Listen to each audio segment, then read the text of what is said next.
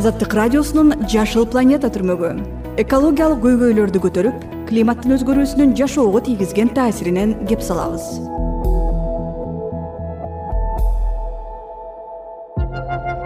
Салттуу отун жана газ колдонбогон зыяндуу заттарды такыр бөлүп чыгарбаган конуш бул жерде эч кандай газ жана нефть продукциялары колдонулбайт. Бул жерде баары электр жана күн энергиясы менен күндүн жана жердин энергиясы менен жылыган үйлөр.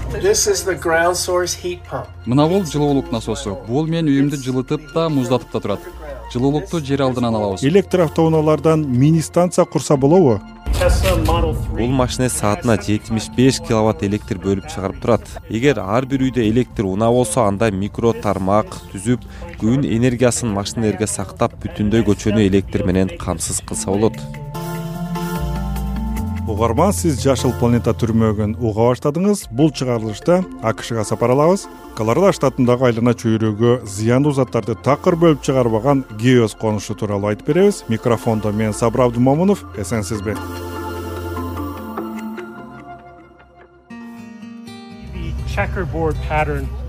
сиз көрүп тургандай үйлөр шахмат тактайындай орун алган. Бири бул жагында экинчиси болсо бул жагында. Күн нуру тосулбайт.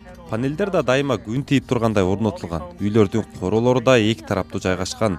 Бул ар бир үй үч тарабынан бак же газон менен курчалып тургандай түр калтырат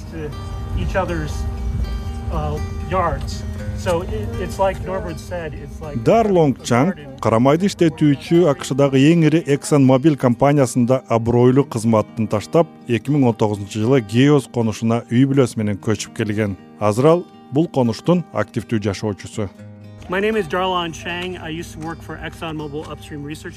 мен эксон мобиль компаниясынан кетишимдин себеби алар экологиялык кризисти чечүүдө жетишээрлик аракет кылышпайт деп эсептейм. Ошентип мен геос нейборхуд конушуна көчүп келдим. Бул жерде эч кандай газ жана нефть продукциялары колдонулбайт. Бул жерде баары электр жана күн энергиясы менен иштейт.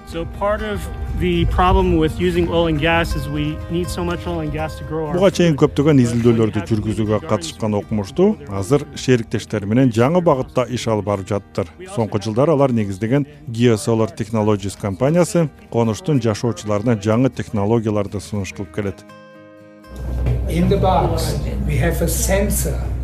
бул кутунун ичинде автоматтык түрдө бөлмөдөгү абадагы көмүртектин жана башка органикалык заттардын концентрациясын өлчөй турган датчик жайгашкан. Ал дароо бөлмөдөгү абаны текшерип тазалап турат.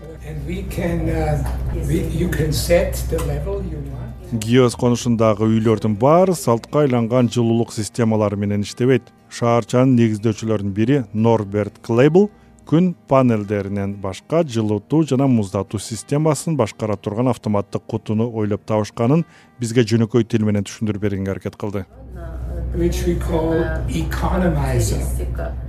Бул өтө үнөмдүүлүктү көрсөтө алган куту.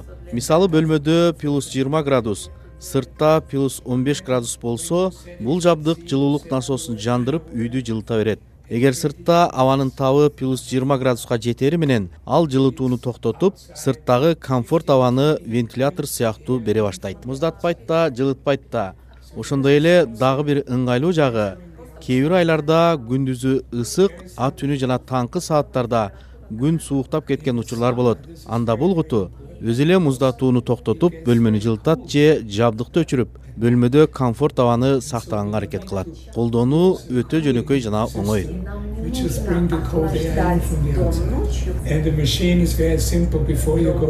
Дейт геос конушун негиздегендердин бири эко активист норберт клейбл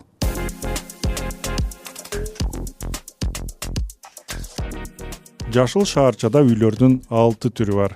Көп батирлүү эки үч кабаттуу үйлөр таунхаустар мансардалуу же эки үч кабаттуу жеке жер тамдар бар. Биз геостун жашоочулары менен баарлашып көрдүк бул менин үйүмдүн кире бериши мейманкана деп койсок да болот бул жерде кичине үй бүлөлүк бизнес уюштурса да болот.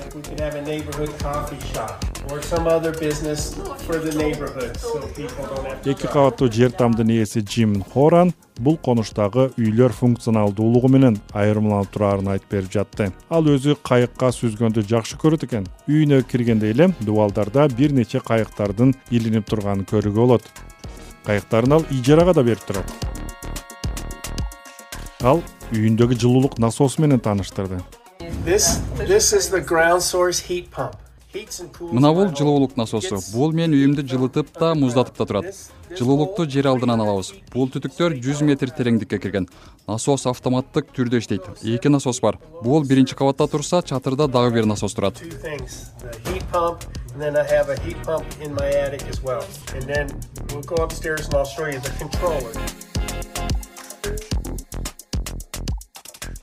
конуштагы үйлөр жылытуу муздатуудан башка үйдөгү тиричилик техникалары үчүн электрди толугу менен күн энергиясынан алат. Бул үчүн күн панелдери ар бир үйдүн чатырында дубалдарында жада калса терезелердин үстүндө орун алган пааначаларга чейин орнотулган бизде коомдук транспорт жетишсиз болгондуктан дагы деле автоунаалар көп колдонулат. Албетте алардын көбү күйүүчү май менен жүрөт. Биз бул шаарчада жашагандар электр унааларга өтүп жатабыз. Учурда бул конушта электр автоунаалардын жардамы менен да энергия системасын түзүү аракети жүрүп жатыптыр. Муну түшүндүрүп берүү үчүн конуш тургуну дар лонг чанг өзүнүн гаражына бизди ээрчитип барды this electric vehicle is a Tesla model 3. Сиздер көрүп турган тесла автоунаасынын үчүнчү модели. Бул машине саатына жетимиш беш киловатт электр бөлүп чыгарып турат. Машинедеги кубат менин үйүмдү үч күн бою электр менен камсыз кылганга жетет. Башкача айтканда машинеге топтолгон кубатты үйдө электр жетишсиз болсо колдонсо болот эгер ар бир үйдө электр унаа болсо анда микро тармак түзүп күн энергиясын машинелерге сактап бүтүндөй көчөнү электр менен камсыз кылса болот. Мындай тажрыйба көмүрдүн жардамы менен алынган электрди колдонууну азайтмак.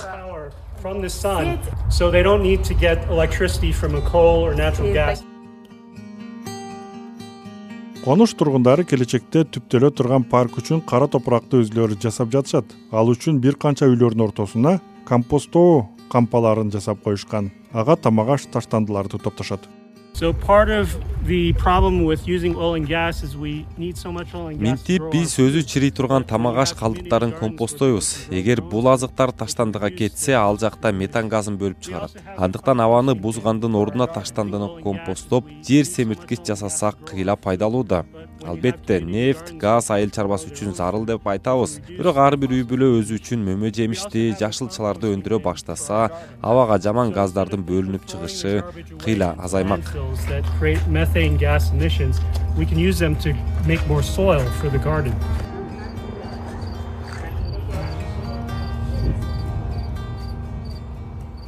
гиос конушунда бак дарактар жер участоктору гүлзарлар баары тамчылатып сугаруу системасына туташтырылган бул сууну үнөмдөөгө жол ачат. Ошондой эле ар бир үйдүн бурчтарында чатырдан агып түшкөн жаандын суусун топтой турган атайын чаначтар орнотулган.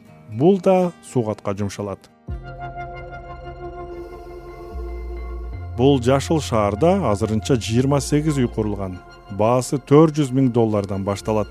Шаар орун алган колорадо штатындагы ушундай эле көлөмдөгү үйлөргө салыштырмалуу бул конуштагы турак жайлардын баасы сегиз он пайызга кымбатыраак. Бирок жашоочулардын айтымында коммуналдык төлөмдөрдү эсептегенде жашыл энергия менен камсыздалган бул үйлөр башка үйлөргө караганда бир миң беш жүз акш долларына чейин аз чыгат геос конушунун мүчө ассоциация жетекчилеринин айтымында дагы эки жүздөй үй куруу пландалып жатыптыр былтыр акшда климаттык мыйзам кабыл алынган анда эки миң отузунчу жылга чейин көмүртекти бөлүп чыгарууну кырк пайызга кыскартуу жана эки миң элүүнчү жылга чейин нөлдүк көрсөткүчкө жеткирүү камтылган. Адистер бул париж келишими боюнча милдеттенмелерди аткарууга жардам берерин айтышат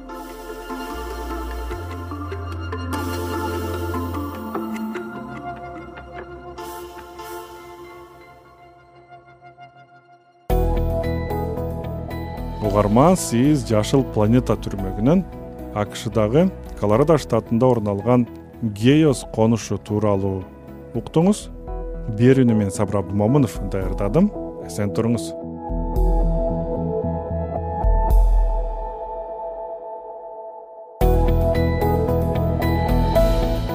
Азаттык радиосунун жашыл планета түрмөгү. Экологиялык көйгөйлөрдү көтөрүп климаттын өзгөрүүсүнүн жашоого тийгизген таасиринен кеп салабыз